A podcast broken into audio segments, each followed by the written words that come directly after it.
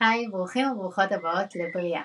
בריאה נולדה כחלק מהמסע שלי, בניסיון למצוא דרכים שמטיבות איתי עם הבריאות שלי הנפשית והפיזית, שלא ממש נבדלות אחת מהשנייה. ובמהלך הדרך הזו פגשתי את הדר, שהיא שותפה שלי כבר אה, לא מעט זמן במסע החיפושים אחרי אופציות שמחזירות את האחריות ואת הבחירה בבריאות לידיים שלנו. אה, במהלך הזמן הזה שאנחנו מכירות אנחנו שואלות הרבה מאוד שאלות שהבנו שעולות אצל הרבה אנשים ונשים אחרות ושהיינו רוצות להדהד אותם מעלה אה, ולהציע לכל מי שזה מסקרן אותו קצת להרחיב את הראש ולפתוח את, את הראש לאופציה שיש דרך שאולי יותר מתאימה לו מזו שהוא הולך בה כרגע אה, או משהו שאפשר להוסיף, משהו שאפשר להתאים במטרה באמת ליהנות מבריאות מלאה ככל האפשר. אז הדר היא נטורופטית בהכשרה שלה והיא רפלקסולוגית והיא מטפלת בנומרולוגיה יישומית שזה משהו שלי לא היה מושג מהו עד שקיבלתי ממנה מפה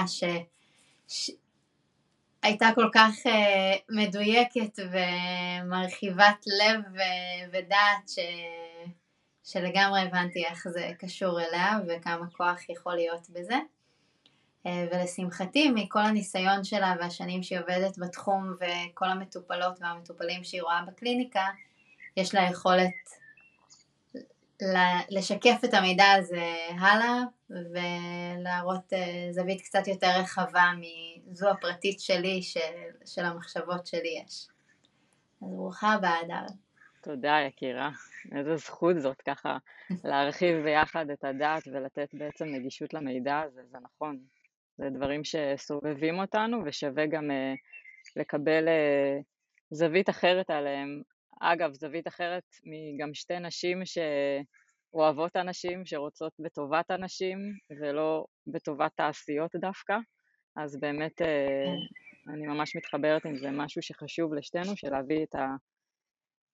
לראות את אותו דבר רק בזוויות אחרות ומשהו שהוא גם נותן באמת ערך לחיים האישיים שלנו, משהו שאפשר לקחת ולעשות איתו איזשהו דרך או להטיב בעצם עם עצמי, ממש ככה.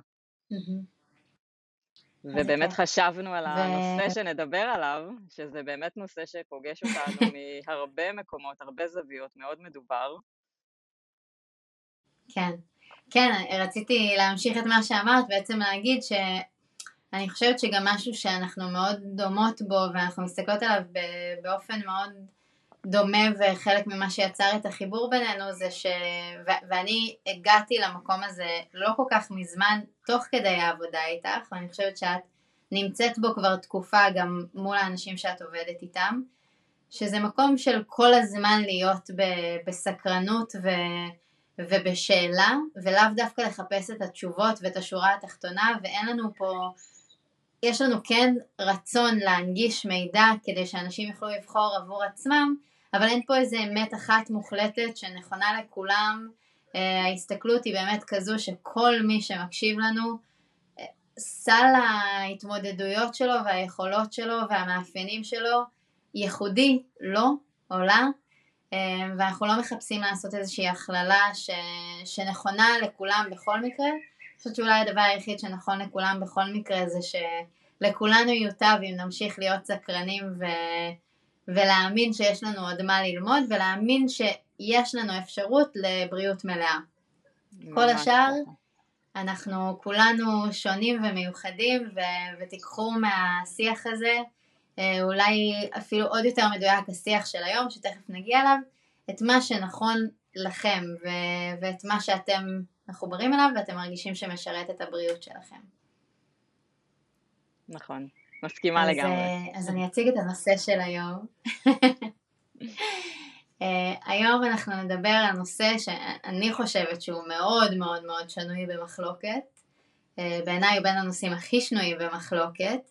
Uh, מצד אחד כי אני מאוד מאוד מאמינה בו, מצד שני כי אני חושבת שיש בו um,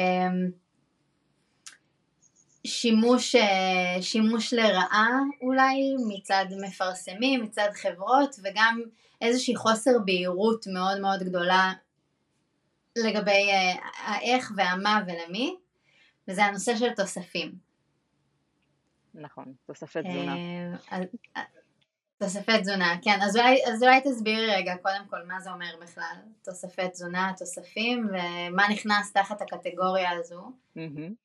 אז תוספי תזונה זה בעצם, קודם כל זו תעשייה מאוד מאוד גדולה, שהיא רק אה, הולכת וגוברת עם כל שנה. אה, בעצם מדובר במוצרים שבאופן, אה, אם אני ככה אעשה את זה איזושהי הכללה, הם נחלקים לשניים. זה או שמדובר בתוספי תזונה שהם אה, חלק מאבני הבניין של הגוף שלנו, זאת אומרת כל מיני רכיבים שהגוף שלנו צריך כדי לבנות את עצמו, כמו לדוגמה תוסף תזונה של מינרל מסוים, אם זה ברזל, אם זה מגנזיום, אם זה סידן, יש תוספי תזונה של ויטמינים, ויטמין B1, 2, 6, 9, 12, אז יש לנו חומצות שומן גם כמו אומגה 3, אז יש לנו את אבני בניין שהגוף, ש... חלבונים לדוגמה, יש גם תוספי תזונה של חלבונים, כל מיני אבני בניין שהגוף שלנו צריך אותם כדי להיבנות, כדי להשתקם, mm-hmm. כדי לעשות כל מיני תהליכים בגוף, ויש תוספי תזונה שהם יותר אה, צמחי מרפא לדוגמה, שצמחי מרפא זה לאו דווקא. אבני בניין שהגוף צריך, אלא זה mm-hmm. צמחים שיש בהם חומרים פעילים שמפעילים כל מיני מנגנונים פנימיים בגוף שלנו שעוזרים לנו לצורך מסוים.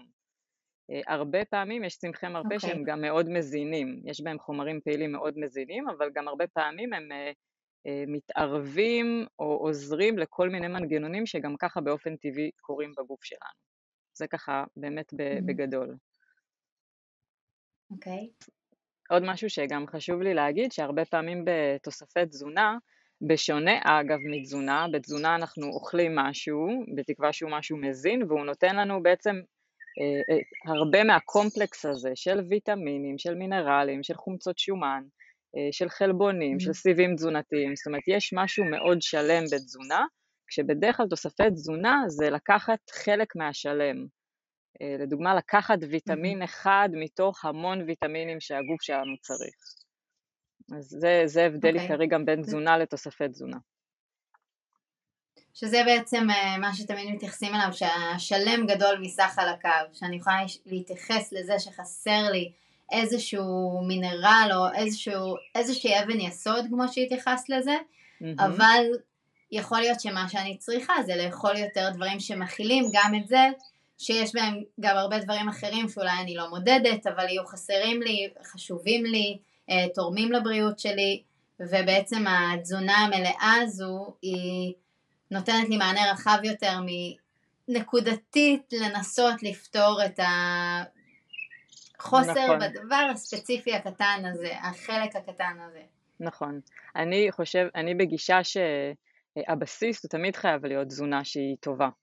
ולפעמים אנחנו צריכים להשתמש mm-hmm. בתוספי תזונה כמו קביים, כי הרבה פעמים אני רואה אצלי מטופלות שאנחנו מגיעות לאיזשהו חוסר, חוסר שהרבה פעמים גם רואים אותו בבדיקת דם, והרבה פעמים קשה להשלים אותו עם החוסר מאוד משמעותי, קשה להשלים אותו רק מתזונה, בטח מי שאין לו את האפשרות עכשיו להיות על זה ברמה התזונתית. אז לפעמים אפשר להיעזר לפרק זמן מסוים בתוסף תזונה, להשלים את החוסרים, ומפה להמשיך עם תזונה שהיא יותר מיטיבה והיא גם אה, מאפשרת שלא נגיע למצב כזה של חוסרים. אז האידיאל הוא לגמרי בסיס mm-hmm. תזונתי טוב.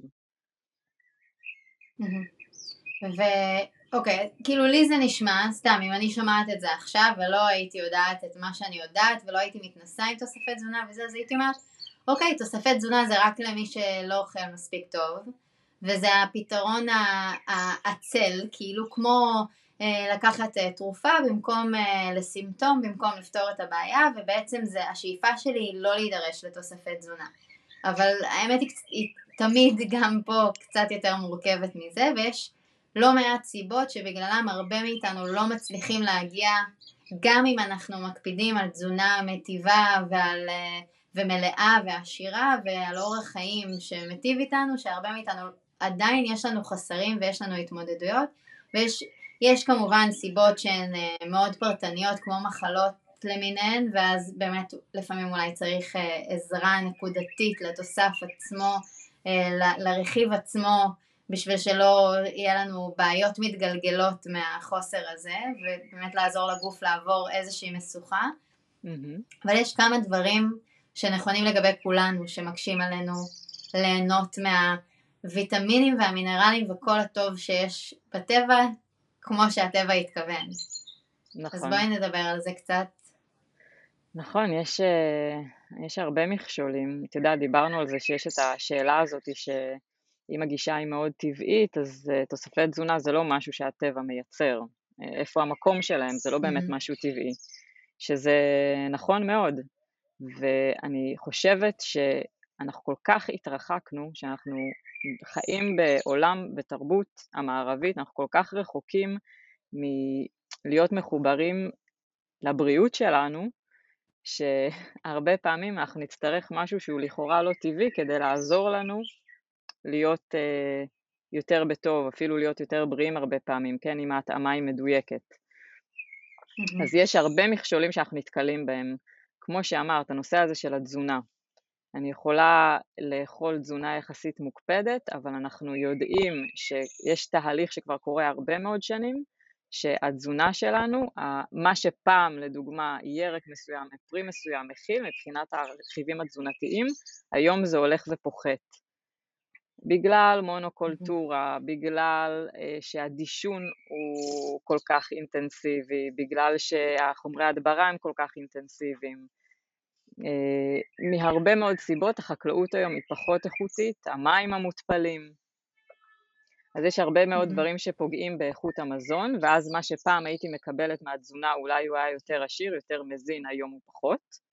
ויש גם דברים okay. אוקיי. שהם יותר חיצוניים מאשר תזונה שאני מכניסה לגוף שלי, כמו לדוגמה זיהום. זאת אומרת, אנחנו חיים בעולם שאם זה זיהום אוויר, אם זה אה, כל מיני רעלים שאנחנו מכניסים גם דרך המזון שלנו מריסוסים וגם דרך קוסמטיקה, ומאיפה לא, מהמפיצי ריח, אני מתה על זה, מטהרי אוויר שאנחנו מריחים, ומבשמים, ו... כמעט כל דבר שאנחנו באים איתו במגע, הוא לא מטיב עם הבריאות שלנו. כאילו, זה, זה קשה לומר את זה, כן? קשה to face it, אבל אם אני מסתכלת על אה, רצף הפעולות ורצף הדברים שאני נחשפת אליהם מהבוקר שלי עד שאני הולכת לישון, זה דברים שהגוף צריך להתמודד איתם וזה לא פשוט עבורו. אז ההתמודדות הזאת של, אה, של כל החומרים האלה, היא גובה מחיר מהגוף. אז זה משהו שגם חשוב לקחת בחשבון. החשיפה, החשיפה הזו לרעלים בעצם מקשה עליי, מקשה על הגוף שלי לספוג ו- ולהשתמש בכל האבני יסוד האלו שהוא צריך. נכון, והיא מצריכה מהגוף, לדוגמה כל המנגנוני ניקוי שקורים באופן טבעי בגוף. הם צריכים לעבוד יותר קשה כדי לפנות או כדי לאגור רעלים בצורה מסוימת.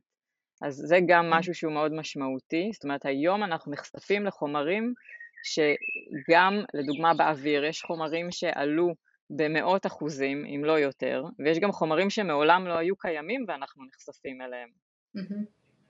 כן, ו- אז ו- בעצם ו- אני גם יכולה לקלוט פחות ואני גם מבזבזת יותר על לתקן את כל שאר הדברים שקורים מסביב.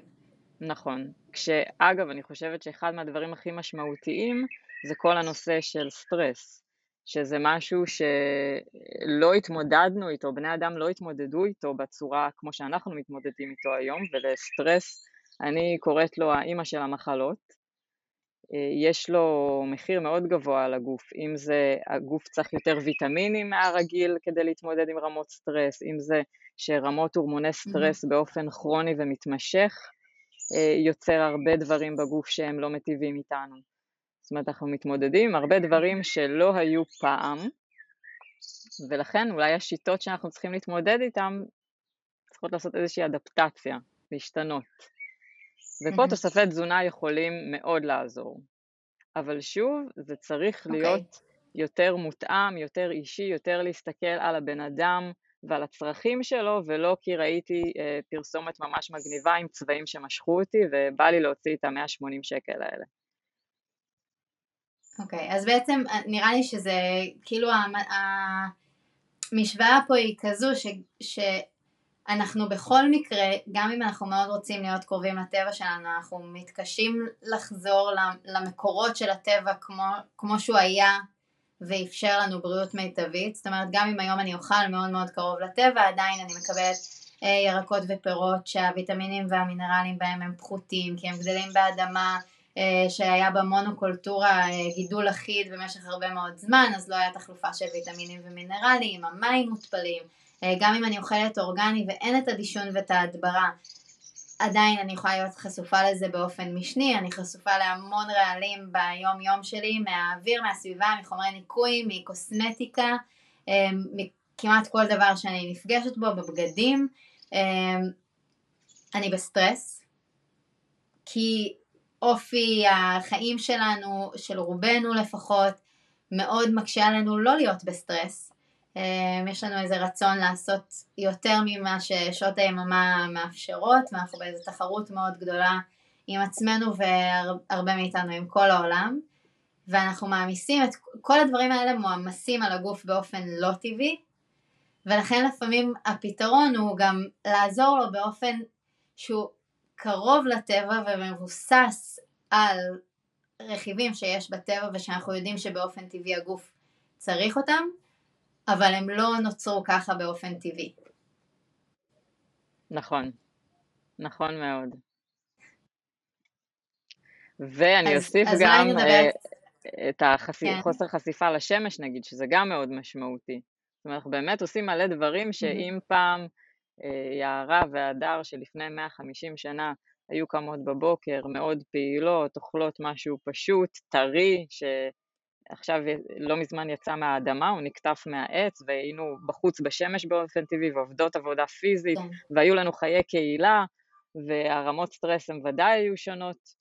זאת אומרת, החיים כל כך השתנו, וצריך לעשות את ההתאמות. אז אני חושבת שגם כל מי שמאזין ומאזינה לנו, שנייה רגע לעשות איזשהו מבט רחב על האם אני מזינה את עצמי טוב, האם אני נחשפת מספיק לשמש, כמה סטרס משמעותי בחיים שלי, כמה אני באמת חשופה לרעלים, כי באמת כל הדברים האלה שאנחנו מדברות עליהם, בסופו של יום היינו מאוד רוצות שבן אדם רגע יעשה איזושהי התבוננות על עצמו וינסה להבין איפה הוא ממוקם, פחות או יותר, במקום הזה.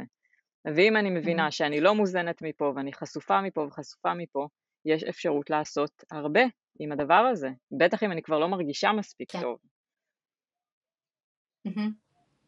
אז אני חושבת שנגעת פה בנקודה מאוד חשובה שזה, ואנחנו מדברות על זה הרבה, שזה לא רק הזנה מה אני אוכלת, אלא זה כל אורח החיים שלי.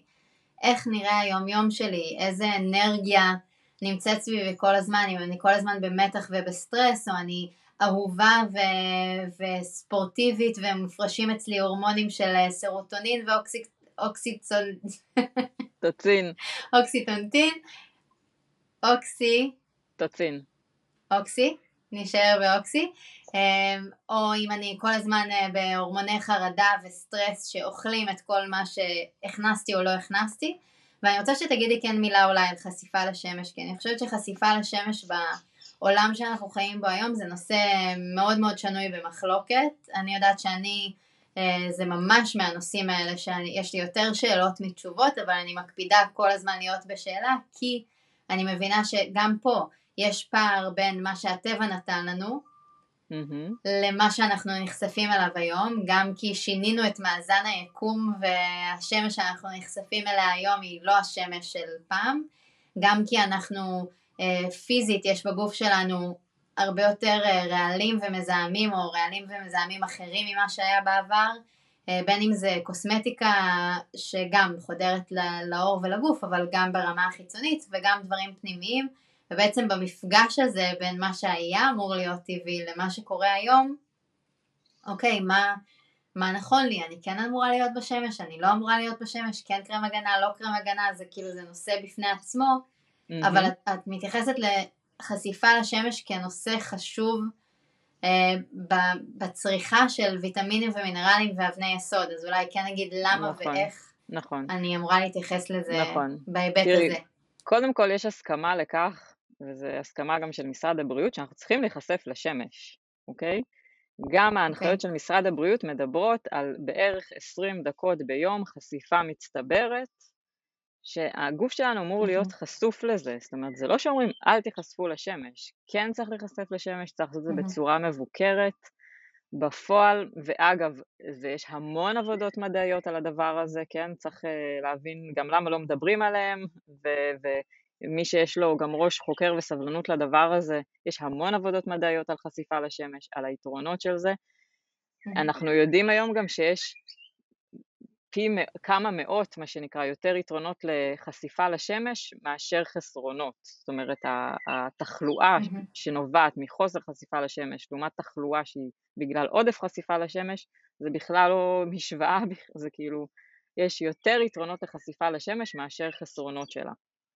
עכשיו, גם בפועל mm-hmm. אנחנו כמו רואים מה, היום... כמו מה, נגיד, איזה מחלות, סליחה, איזה מחלות מקושרות לחוסר חשיפה לשמש? קודם כל דברים שהם יותר רגשיים ונפשיים, כמו דיכאון, כמו חרדה. זה משהו שהוא מאוד משמעותי. אה, וזה זה מגפות היום, כן? חרדה ודיכאון זה מגפה כן. לכל דבר. אז זה נגיד משהו שהוא מאוד משמעותי, וחשיפה לשמש ללא ספק תורמת לזה. הרבה מאוד דברים, אה, דברים של מערכת החיסון, שזה מאוד חשוב לנו, כאילו שמערכת החיסון תעבוד בצורה טובה, חשוב שנהיה חשופים לשמש, איחוי של רקמות, אה, שיקום של עצמות, הרבה מאוד דברים השמש שינה. תורמת לנו. גם לשינה, בטח, בטח. אני חושבת שבאמת שמש זה מקור, זה מקור אנרגיה כזה מדהים, אני באמת אה, חושבת, והיום גם המדע מוכיח את זה, כן, שאין כמעט משהו שחשיפה לשמש לא משפיעה עליו. זאת אומרת, okay, אוקיי, ברגע שיש לנו חוסר ממקום זה, אחד, זה... אנחנו נחווה את זה מהרבה, מהרבה זוויות. אז נגיד בהקשר של השמש זה אולי מקום, זה, זו דוגמה טובה לשלם גדול מסך על הקו, כי הרבה פעמים, לפחות במה שאני מכירה, כשמדברים על, אה, על שמש, אז מדברים על, ויט, כאילו משווים שמש לויטמין D, ואז אומרים אוקיי, אם אתה לא חשוף לשמש תיקח ויטמין D, או אתה רוצה להיזהר מהשמש כי היא כל כך מסוכנת ומפחידה, תיקח ויטמין D, אבל בעצם זה, זה נותן לנו אולי אם אנחנו מצליחים, אם אנחנו סופגים את זה ולוקחים תוסף איכותי באופן המתאים וכולי וכולי והכל עובד, אז נקבל את הוויטמין D. אבל עדיין את כל שאר מה שהשמש מאפשרת לנו, אנחנו לא נוכל ליהנות ממנו כי אנחנו לא נחשפים לשמש. נכון. אנחנו רק ניקח את התוסף. נכון. אז באמת ברמה ההוליסטית יותר, וזה, אני באמת אומרת לך, לא היה לי אף מטופל או מטופלת שבאו לי עם בדיקות דם ולא היה חסר להם ויטמין D. זאת אומרת, זה כל כך נפוץ היום, okay. אוקיי. ובאמת בישראל. זה... בישראל. בישראל, בדיוק. בישראל שטופת השמש זה אחד החוסרים הכי נפוצים, וכשאני רואה חוסר בוויטמין D, אז כמובן שאולי נקודתית הייתי רוצה שהמטופל או המטופלת ישלימו לחודש, חודשיים כדי שהרמה בדם אה, תהיה מתאימה, אבל אני לא יכולה להשאיר את זה בזה, זאת אומרת זה יבוא עם הנחיה לחשיפה מבוקרת יומיומית לשמש, כי באמת החוסר כן. ויטמין D זה חלק, כמו שאת אומרת, מהשלם, ויש הרבה יתרונות לזה שהם מעבר לוויטמין D. אבל זה נכון שזה חוסר מאוד נפוץ היום שאנחנו רואים, ואם חסר כדאי להשלים, אפשר להיעזר בתוסף תזונה, אבל במקביל הפתרון השלם יותר זה, זה להיחשף לשמש. כי בעצם באמת ויטמין D זה, זה גם, זה נוגע בנקודה שוויטמינים ומינרלים ומה שהגוף שלנו צריך לא מגיע רק מהזנה, תזונה, מזון, אלא גם מאורך החיים שלנו. ויטמין D הוא, הוא ויטמין שאנחנו מקבלים אותו לא מאוכל, אנחנו מקבלים אותו אך ורק מהשמש, נכון? יש אותו במינונים קטנים מאוד במזון, אבל זה לא מספיק, העיקר אנחנו מקבלים באמת okay. אוקיי. מחשיפה לשמש, ושוב, גם פה יש התאמות שצריך לעשות, כי יש אוכלוסיות מאוד מאוד גדולות בארץ, אני מקווה שחלק מהן גם אה, מאזינים לנו, כן, אבל לדוגמה, אוכלוסייה חרדית אה, ואוכלוסייה ערבית מסורתית, שלפחות הנשים מכוסות רוב הזמן, כן, וזה לא ישתנה כנראה, כן? אז אפשר להיעזר גם mm-hmm. בתוספים מסוימים כדי לעשות את ההשלמה. צריך לעשות את ההתאמות הרבה פעמים. כן. ו- ונגיד החשיפה לשמש תיתן לנו מענה יותר רחב, וויטמין D, יכול להיות שאני אעלה את הערכים של הוויטמין D שלי. נדבר mm-hmm. רגע גם על, על איך את מודדת את הדברים האלה, כי אמרתי, תבוא אלייך מטופלת עם בדיקות דם יהיה לה חוסר בוויטמין D, תיקח תוסף, לה, תהיה לה רמה מספקת של ויטמין D, אבל היא בחרה לא להיחשף לשמש, היא עדיין יכולה להפסיד את כל שאר היתרונות של זה. אותו דבר אם אה, תהיה לך אה, מטופלת שיש לה חוסר בברזל והיא תיקח תוסף של ברזל, אבל לא תוסיף ירוקים, אגוזים, אה, כל מה שיש בו ברזל, היא לא תהנה מהמכלול השלם שיש נכון, בתזונה, שיש נכון. בטבע. נכון, ואז זה בעצם יהפוך את הנטילה של תוסף תזונה למשהו שאני תלויה בו, ולא משהו שהוא כמו קביים mm-hmm. שהוא עוזר לי. Uh, זה נכון, כן. עכשיו, תראי, יש כל כך הרבה תוספי תזונה בשוק היום. זה תעשייה מטורפת. Mm-hmm.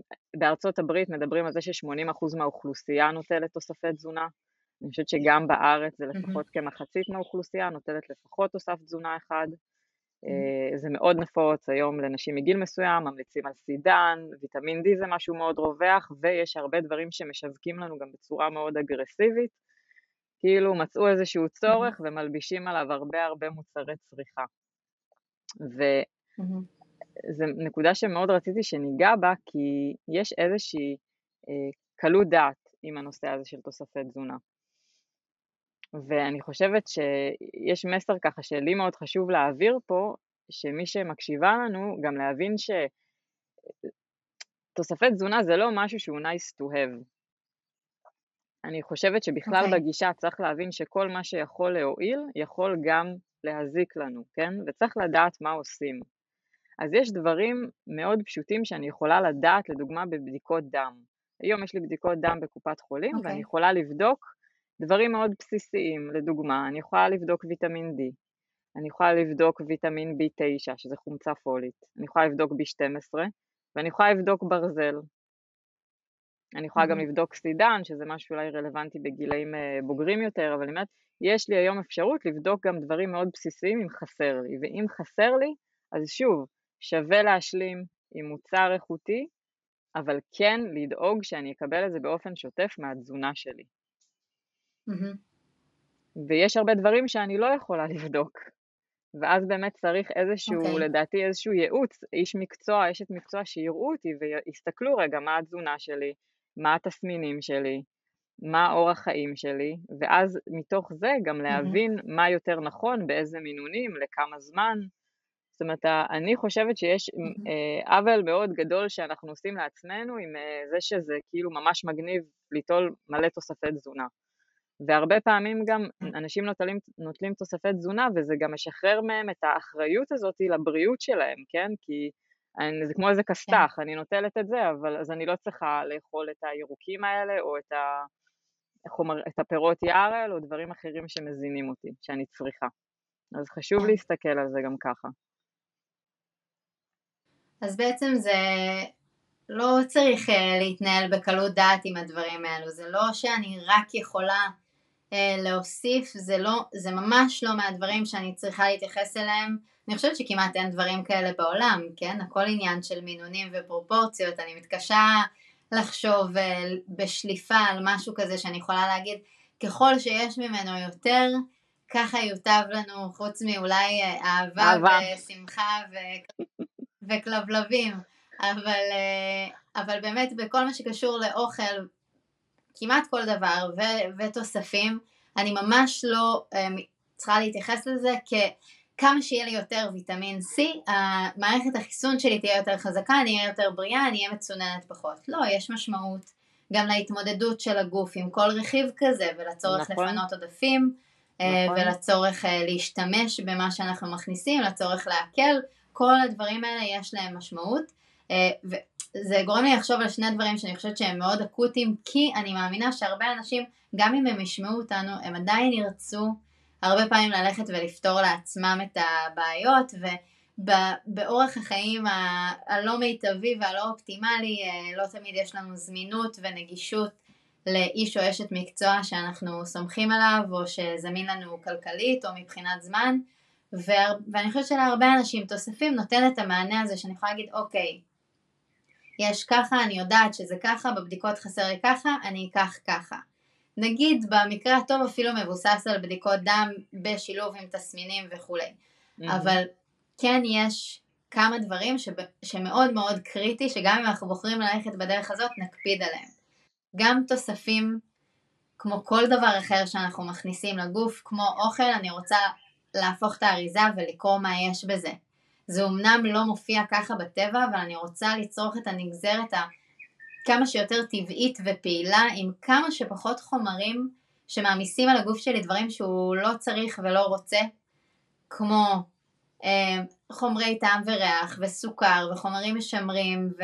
ו מונעי התגיישות וחומרי אה, הלכה והדבקה וכן, יש שם חומרים מאוד לא לאבלי מה שנקרא, נכון? כן, וגם אני רוצה שהוא יהיה באמת מ... לא רק מחומרים טובים, אלא גם באופן שהגוף שלי יכול לספוג אותו, ושם גם צריך את הפניות ואת הרצון לחקור את זה וללמוד את זה, וכמובן שיש, אה, כמו בכל נושא מדעי, מחקרים לימין ומחקרים לשמאל, וכל אחד צריך לעשות את השיקולים שלו, אבל אה, לפחות לדעת שאנחנו צורכים נגזרת שהיא פעילה בגוף, שיש לנו יכולת להשתמש בה, יש הרבה פער בין מה שמותר למכור לנו לבין מה שאנחנו באמת באמת צריכים. נכון. ואני יודעת מסקרים קטנים שערכתי עבור עצמי שנמכרים הרבה מאוד תוספים שאנחנו יכולים לקחת אותם אה, ושאין להם משמעות לבריאות שלנו, אין להם משמעות חיובית, מה שבעיניי כמעט בהכרח אומר שהם יכולים להעמיס על הגוף שלנו משהו שלא נחוץ לו. כי הם בנגזרת לא פעילה, או כי הם, הם, הם בתוספת של חומרים שהגוף שלי ממש לא, לא מעוניין בהם, אה, ושם באמת אני יכולה לייצר לעצמי נזק מהרצון אה, להגיע לאיזה סופר וומניות שהכל נכון. עובד במצב נכון. האופטימלי, אני מקשה על הגוף לעשות את מה שהוא אמור לעשות. נכון, צריך לקחת בחשבון שברגע שהכנסתי משהו, הוא צריך להתפנות איכשהו, כן? גם אחרי שהוא נספג ועזר לי, החומרים צריכים להתפנות בצורה כלשהי, אז הרבה פעמים זה עומס. אני, את יודעת, לפעמים אני אומרת למטופלות שלי, אני, אני מדברת איתם, ואני אומרת, תביאו לפגישה את כל התוספים, מגיעים אליי עם שקיות. ואגב, זה, זה מאוד נכון מה שאת אומרת, ואני אפילו אגיד את זה כי זה מאוד חשוב, מי שכבר לוקח תרופות, יש כל כך הרבה תוספים וצמחי מרפא, שממש מתנגשים עם פעילויות של תרופות. זאת אומרת, צריך לעשות התאמה מאוד מאוד ברורה. ויש גם כל מיני uh, אתגרים בריאותיים, שאם אני חושבת שהתוסף הזה הוא nice to have ואני יכולה לקחת את זה, זה ממש יכול לעשות בדיוק ההפך לאתגר הבריאותי שאני מתמודדת איתו עכשיו. אז לא, באמת לא לעשות את זה בקלות דעת.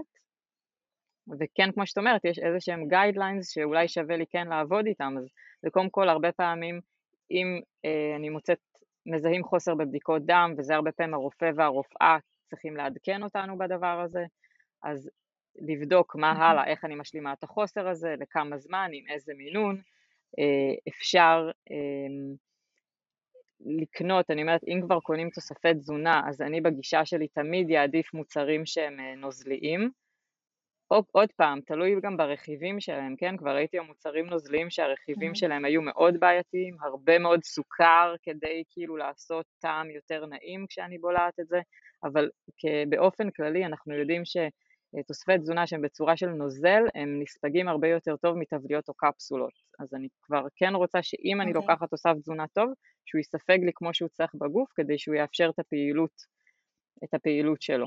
אז זה גם משהו ש, שבדרך כלל כדאי להעדיף. ו, ויש כן uh, תוספים שיותר קל לגוף שלי לפנות עודפים מהם, ותוספים שממש ב... באופן די uh, מובהק אסור לי לקחת אם אין לי חוסר, נכון? נכון. ב... יש יגידו אולי קצת אחרת, כן? אני, אני מההבנות שלי, באמת חושבת שיש uh, uh, תוספים שהם יותר בעייתיים כי הם מתפנים אחרת מהגוף או תוספים שהם נאגרים. Uh, לדוגמה אנחנו מחלקים uh, ויטמינים בצורה מאוד ככה uh, גסה לוויטמינים מסיסים במים וויטמינים מסיסים בשומן. ויטמיני B לדוגמה הם מסיסים במים, גם אם אני לוקחת אותם יותר ממה שהגוף שלי צריך, הגוף בדרך כלל יפריש אותם בצורה די פשוטה דרך השתן. ויש לי את התוספים שהם מסיסי אה, שמן או שומן, שהם A, D, E ו-K. והם במינונים מאוד גבוהים הרבה פעמים גם נאגרים בגוף, או שלגוף יהיה הרבה יותר קשה להפריש אותם. אז שוב פעם, אם אני חושבת שזה נחמד שאני כאילו בולעת את זה במינונים בלי איזשהו משהו מבוקר והתייעצות, זה, זה באמת יכול לגרום לנזק, זה לא צחוק. כאילו, עוד פעם, יש איזושהי גישה שזה כזה אמריקאי, כן? שזה כמו איזה סוכריות כאלה, התוספי תזונה. זה לא. זה ממש לא. צריך לקחת את זה ברצינות הראויה, כמו הרבה דברים שאני מכניסה לגוף שלי, ולדעת לבדוק, לדעת לשאול שאלות, והרבה פעמים בדברים האלה, כן, להתייעץ, לגמרי. כן. ואולי כבר אם דיברת על אמריקאים, אז בעיניי אחד הדברים הכי אמריקאים זה מולטי ויטמין. כן.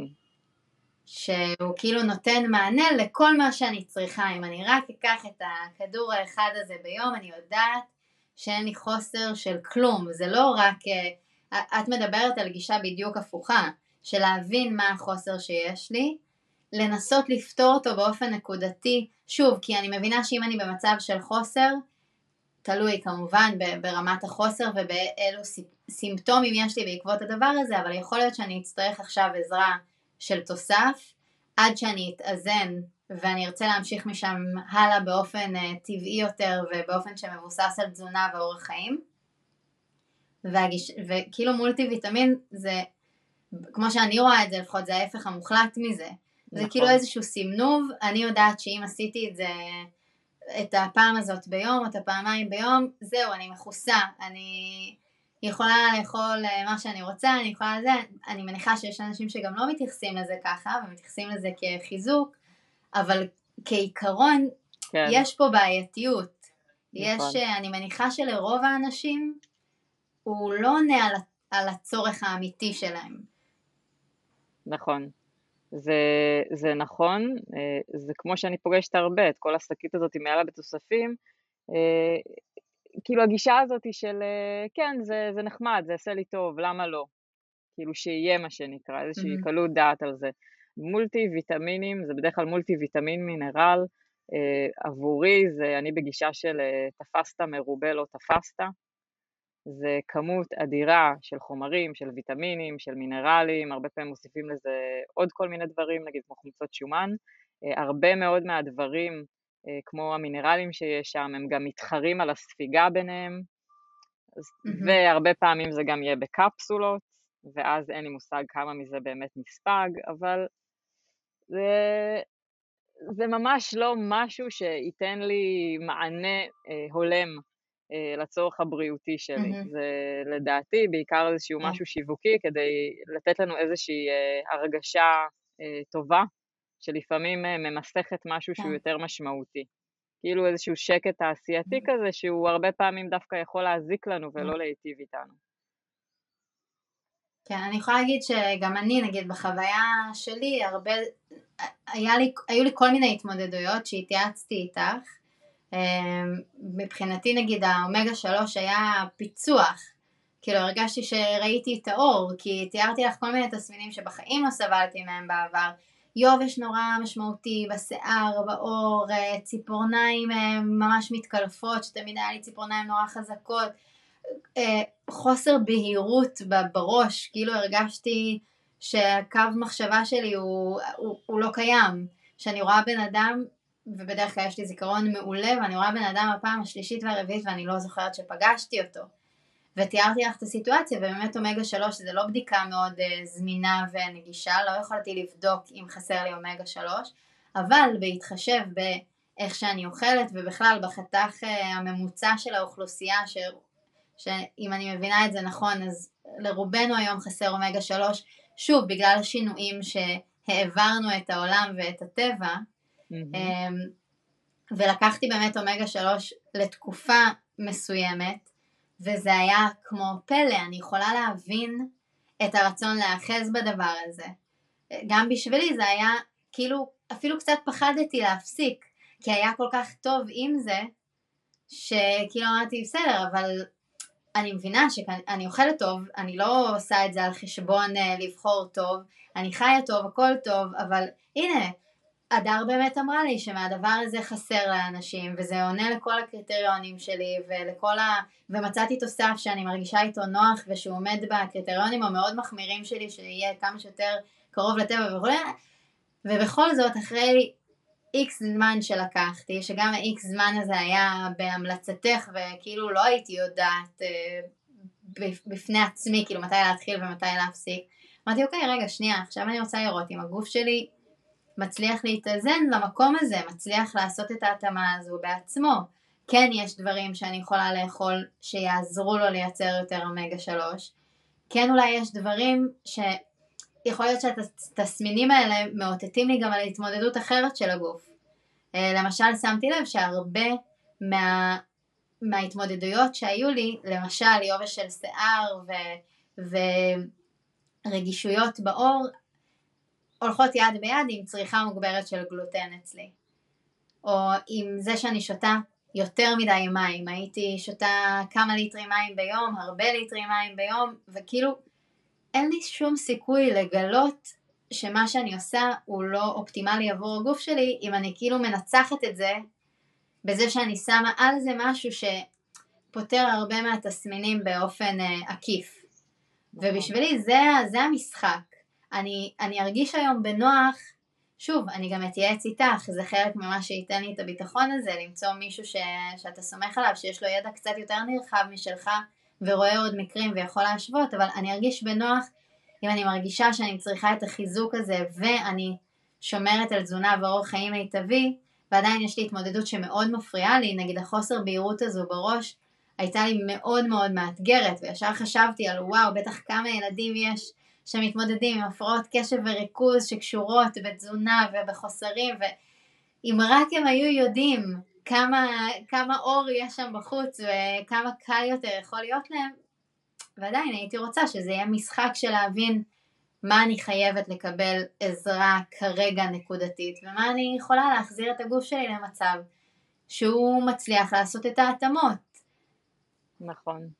נכון, זה, זה ממש מה שאת אומרת, וזה מאוד אינדיבידואלי, ואת יודעת, את עבורי דוגמה למישהי שהיא באמת אה, הנטורופטית של עצמה, כי את קולטת משהו, את מזהה שמשהו לא מאוזן אצלך, ואת רגע חוקרת ושואלת שאלות ורוצה לתת לזה מענה, כי את מבינה שאת לא מקבלת את זה, כן? את לא מקבלת את זה שזה ככה. ו, כן. וזה יוצא מן הכלל מבחינתי, כן? זה נפלא. וזה באמת גם יוצא מן הכלל, כי אני מדברת עם אה, היום אה, בחורות, נשים, שבגיל 26 מרגישות, יש להן תסמינים של גיל 60, באמת, ואנחנו חיים עם זה, כן. ו- ו- ו- וככה זה, וזה מה שאנחנו מכירות, ואני אומרת, ואיזה מדהים זה גם אה, כשעושים איזושהי דרך, או, או דברים מאוד קטנים אפילו, ומרגישים הרבה יותר טוב, איזה דבר מדהים זה לגלות שוב כמה פוטנציאל יש לנו, כן? כן? בנפש, ברגש, בגוף, כמה אנחנו יכולים להרגיש הרבה יותר טוב ממה שהתרגלנו לגמרי, אבל זה דורש, כמו שאת עושה, זה דורש קודם כל להתבונן, לזהות אם אני לא במיטבי, או לזהות כשאני כן במיטבי, כן? צריך לדעת את אה, שני צידי המתרס, מה שנקרא. ואז להתחיל להבין מה אני עושה עם זה, ואני אומרת, העולם שלנו בדבר הזה הוא גם עולם של שפע. יש למי לפנות, יש עם מי להתייעץ, יש המון אפשרויות. אבל צריך mm-hmm. לעשות משהו גם יזום כדי לא להישאר במקום. וזה נכון, כן. אגב, כן חשוב לי להגיד, זה נכון שיש לנו היום נטייה לחוסרים אה, יותר ספציפיים של דברים. כמו שאמרנו, mm-hmm. תהיה לנו יותר נטייה לחוסר של ויטמין D, לנשים תהיה יותר נטייה לחוסר בברזל, כאילו סביר להניח שמתישהו אישה בחייה תצטרך ליטול תוסף של ברזל כדי לעזור להשלים חוסרים, כי עם כל וסת אנחנו מאבדות הרבה ברזל בדם. אה, אחרי לידות אנחנו מאבדות כמות מטורפת של ברזל, זאת אומרת, כן, הרבה פעמים אנחנו נצטרך להיעזר בזה. אה, אומגה 3 זה משהו שלרוב האוכלוסייה כנראה חסר, וצריך לדעת גם איך להשלים את זה. מגנזיום מדברים היום בארץ על זה שחסר לנו מגנזיום בתזונה, משרד הבריאות מתחיל לדבר יותר ויותר לאחרונה על מחסור ביוד, זאת אומרת צריך להבין, ואגב, וכל הדברים האלה זה לאו דווקא מתוסף תזונה, אנחנו הרבה פעמים יכולים לקבל אותם מהתזונה, כן. אבל גם להבין למה אני כן. מועדת לחסרים ואיך אפשר להשלים את זה. מגנזיום בשבילי גם היה מעין אהה מומנט כזה, ש... שגם uh, סביב ספורט, וזה הייתי נתפסת נורא, והטון השירים שלי כל הזמן היה נורא נורא גבוה, ותקופה באמת לקחתי מגנזיום, וגם עם וסת זה היה ש... שינוי של שמיים וארץ מבחינתי. ועם שני הדברים האלה, עם הזמן הבנתי שיש עוד המון דברים אחרים שמעמיסים על הגוף שלי את היכולת להיות באופן אופטימלי. והיום נגיד אני מרגישה שהטבע של הגוף שלי, שזה גם קשור לברזל וגם קשור למגנזיום, סביב וסת, כל מה שבא לי זה מלא ירקות ירוקים, מלא אגוזים, צ'יה, כל הזמן בא לי צ'יה, כאילו דברים של אה, קקאו, פולי קקאו, כאילו דברים שהגוף שלי יודע לבקש את מה שהוא צריך, את החיזוק שלו, מבלי שאני בהכרח אדרש לתוסף. עכשיו שוב, זה היה נכון לתקופה מסוימת שהיה לי גם ככה התמודדות מאוד אה, מורכבת עם הכאב של, אה, עם התכווצויות וכאבים של וסת או של ספורט, שגם ככה כבר הייתי, הייתי בכזה מקום שהגוף בכל כך סטרס, שכן, רציתי לעזור לו. לא רציתי לגלגל את ההתמודדות הזאת לעוד יותר התמודדויות. אבל אחרי כמה זמן אמרתי, אוקיי, יש לי את הכלי הזה, אני יודעת שאני יכולה לקחת מגנזיום סביב וסת, אני יכולה לקחת מגנזיום כשאני בעצימות ספורטיבית מאוד גבוהה. אבל אני מקבלת וסת פעם בחודש ואני מקווה שזה ימשיך ככה עוד לא מעט זמן כי זה מעיד על זה שסך הכל הכל עובד. אני בעצימות ספורטיבית די גבוהה רוב הזמן גם כי מבחירה זה, זה חלק משמעותי בחיים שלי. האם אני רוצה באופן יומיומי להידרש למשהו חיצוני שייתן לי את המענה לזה? לא. אני רוצה שזה יהיה איזה אה, פתרון לכשאני לא מצליחה לעשות את זה בדרך אחרת, ואני נכון. רוצה לבדוק את הדרך האחרת הזו, ובעיניי היום זה ממש מרגש לראות איך הגוף שלי מבקש את מה שהוא רוצה. אני כאילו ממש יודעת מתי אני הולכת לקבל לפי זה שבא לי לאכול טרד כל הזמן. איזה מטורף זה, זה ומצד שני זה כל כך הגיוני. כאילו מה יותר הגיוני מזה שהגוף יבקש את כל מה שהוא הולך להידרש לו. נכון, מדהים, זה סינכרון באמת מדהים.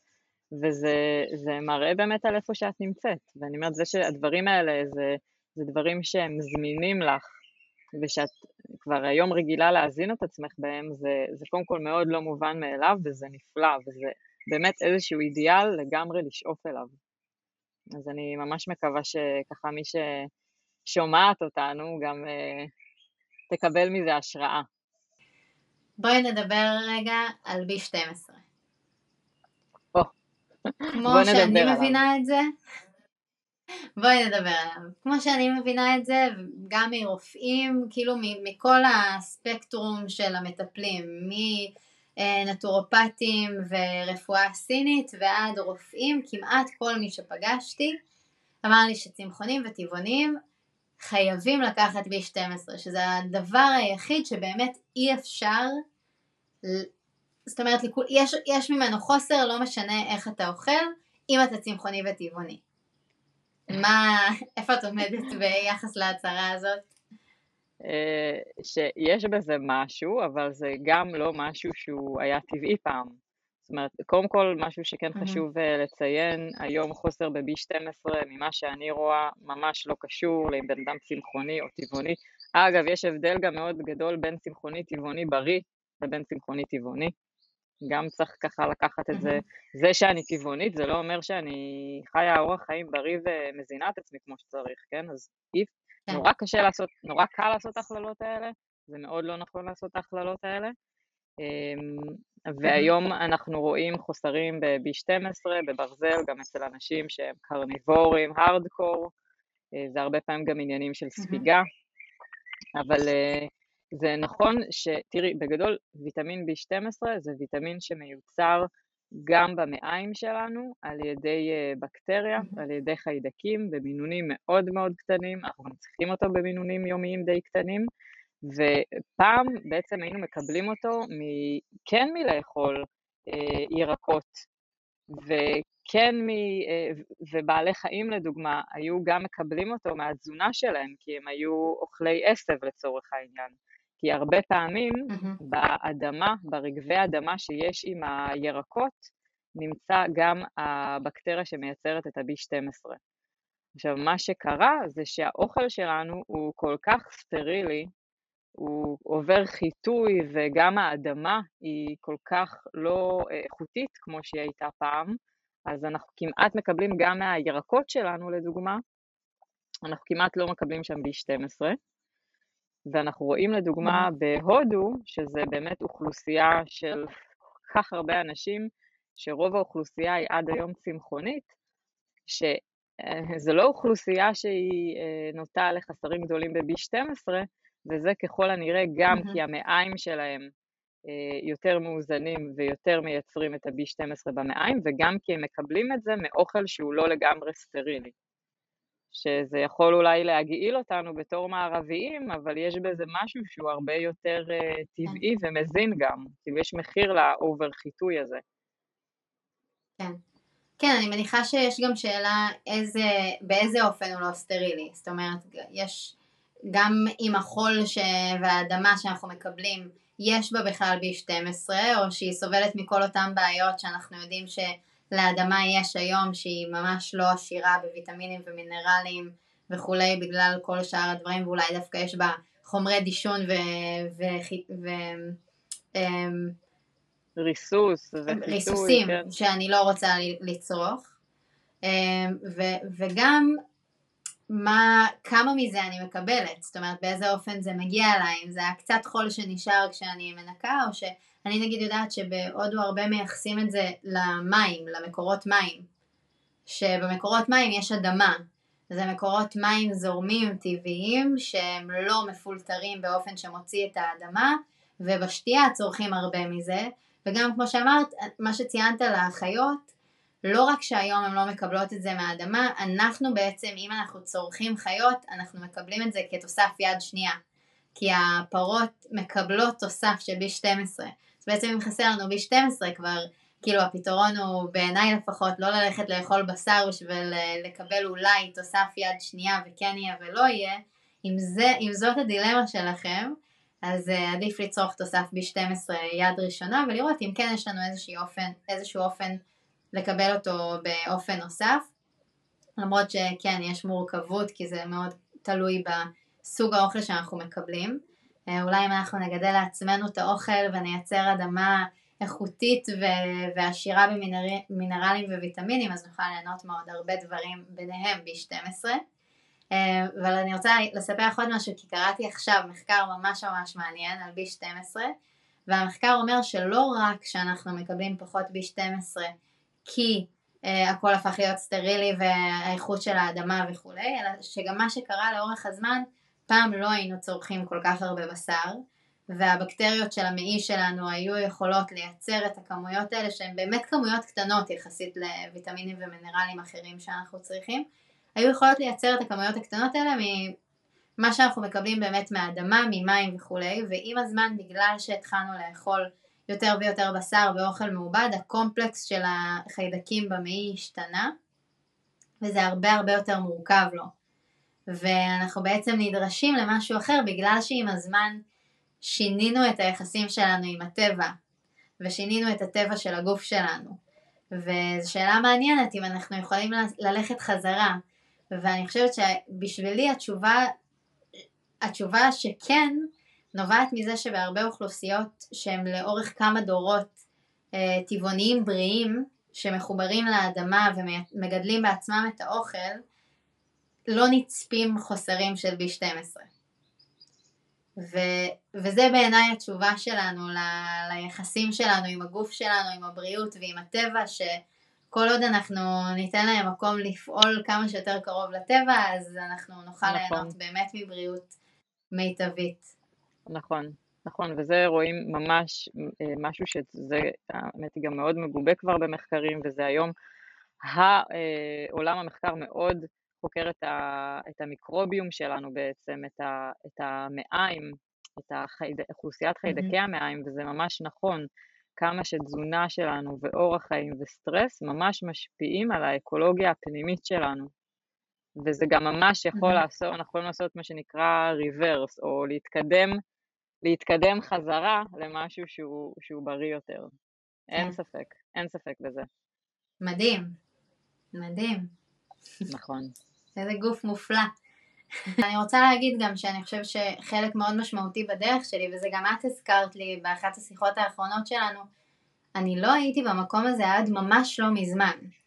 והגעתי אליו כי רציתי, הגעתי אליו כי זה עניין אותי וכי הבריאות שלי ולחיות באמת באופן מיטבי ו- ולהרגיש טוב בגוף שלי, בנפש שלי, ללכת בקלות, להתנהל בקלות, היה משהו שהרגשתי שאני ראויה לו, והרגשתי שהוא קיים, ואני חושבת שזו נקודת מוצא שאנחנו לפעמים שוכחות, שוכחים אותה, שיש את האופציה הזו, והיא זמינה לנו אבל אנחנו צריכים לבחור בה ואנחנו צריכים לעבוד גם בשבילה. אני בניתי את החיים שלי ואני בונה יום יום את החיים שלי ככה שהבריאות שלי והעובדה שאני אוכל להיות פה לאורך שנים וליהנות מהאנשים שאני אוהבת ומהדברים שאני אוהבת לעשות יהיו חלק מרכזי בחשיבה שלי ו- ובעשייה שלי ובהתכווננות שלי. ואני חושבת שהרבה פעמים אנחנו מפספסים את המקום הזה, ש- את כמה אחריות לנו יש ואת כמה בחירה לנו יש בבריאות שלנו. אז, אז אולי אני הייתי רוצה לסיים באיזושהי קריאה, איזושהי תזכורת לכל מי שבחר להקשיב לנו, אתם כבר פה כי יש לכם רצון לבחור בבריאות שלכם. אז אה, להאמין שאתם ראויים לה ושהיא קיימת ולעשות את הדרך ואת ההתאמות בסבלנות זה לא, זה אף פעם לא תרופת פלא, גם אם מוצאים איזה משהו שהוא מאיר עיניים ובאותו רגע הוא מאוד מאוד עוזר, תמיד צריך להיות בתנועה ולבדוק מה הכי משרת אותנו ונכון לנו באותו רגע, אנחנו, החיים הם דינמיים, אנחנו אנשים משתנים, יש לנו צרכים שונים ו- ויכולות שונות בתקופות אחרות. ואני ממליצה לכל אחד למצוא איזה הדר משלו שאפשר להתייעץ איתה ולהרגיש קצת יותר בטוחים גם לגבי הבחירות הבריאותיות שלנו, כי שוב, הכוח הוא בידיים שלנו, הבחירה והאחריות היא בידיים שלנו, וגם אנחנו מוגבלים בכמויות הידע שאנחנו נחשפים אליהם ושאנחנו, ושנגישים לנו, וגם שאנחנו פנויים לצרוך באורח החיים האינטנסיבי שרובנו חיים, והרבה פעמים אנחנו צריכים עזרה חיצונית ואין בזה שום דבר רע, להפך. נכון, ממש ככה, בכלל, בלהיות ב... באיזה mindset כזה שאני מקיפה את עצמי באנשים, שאם אני צריכה עזרה בדבר הזה של תזונה, אז להיעזר, ואם אני צריכה עזרה ברמה הרגשית, אז להיעזר. זאת אומרת, זה משהו שהוא נורא חשוב, ואנחנו יודעים שהקהילות הכי בריאות בעולם הן קהילות שחיות בקהילה. שיש מסביבה כן. אנשים שעוטפים אותם, שעוזרים לתהליך שלהם, וזה משהו שהוא מאוד מאוד משמעותי, שתינו חוות אותו, ו... זה לגמרי משהו שהוא הכרחי לדרך שלנו ולרוח הגבית. מעולה. תודה רבה רבה, אדר, איזה כיף. ממש. נתראה בקרוב, ובינתיים שתהיה לכולם בריאות שלמה, מלאה ומשמחת.